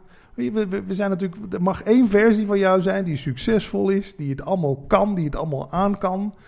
Maar ja, de- mag je jezelf eens opnieuw uitvinden dan? Mag je eens die nieuwe bossen gaan ja, verkennen? maar, ja. Dus ja, ik vind, daar kunnen we nog veel van leren in andere landen en oude eh, tribes die dat gewoon veel slimmer aanpakten. Oké, dan wordt nu dit jouw functie. Dan, nou, je, het lukt jou niet meer om zo hard te rennen om te jagen. Ga je lekker bij het vuur zitten. Van burn-out naar burn-in, totdat je letterlijk in het vuur komt. En dan, eh, Ja, zo, zoiets, ja. Het is dus niet die... En dat, daar heb ik het boek ook voor geschreven. Het begint en eindigt met een hele grote geruststelling. Weet je, want bij burn-out ga je jezelf ook enorm de schuld geven. En nou, nu hebben we het voor elkaar, zeg. Nu hebben we het voor elkaar. Nu zitten we thuis, daar zijn we onze baan kwijt. Weet je, zo ga je echt de hele dag tegen jezelf praten. Terwijl als je die schuldvraag er nou eens uithaalt... Want dat, dat heeft me ook gered uit die burn-out. In die non-dualiteit leerde ik ook, er is eigenlijk helemaal geen schuldige in het verhaal doen we alsof er een schuldige is die dat en dat gedaan heeft. Maar aan deze burn-out ben jij niet schuld. Want daar begin je mee. Hè. Eerst geef je jezelf de schuld. Daarna is het de schuld van de werkgever. Dan is het het kapitalisme. Dan is het de maatschappij. Dan het zijn het de buren. Het zijn mijn kinderen. Het is allemaal... Je bent alleen maar met die schuldvraag bij. Haal die er nou eens uit, die schuldvraag. Zie nou gewoon eens voor wat het is. Ja, je, de energie is even op. Het is tijd voor iets anders. ja. Mooi. Mooie afronding. Nou ja, ehm, deze aflevering zal natuurlijk ook eh, tot, in, eh, tot het einde der eh, tijden online blijven staan. Dus misschien Hopen komen er we. nog meer comments of vragen onder deze aflevering. Eh, misschien eh, tot slot, Patrick, wil je de luisteraar nog ergens naar verwijzen? Nee, er is het boek. Leven zonder stress. Er is een podcast van. Kost niks.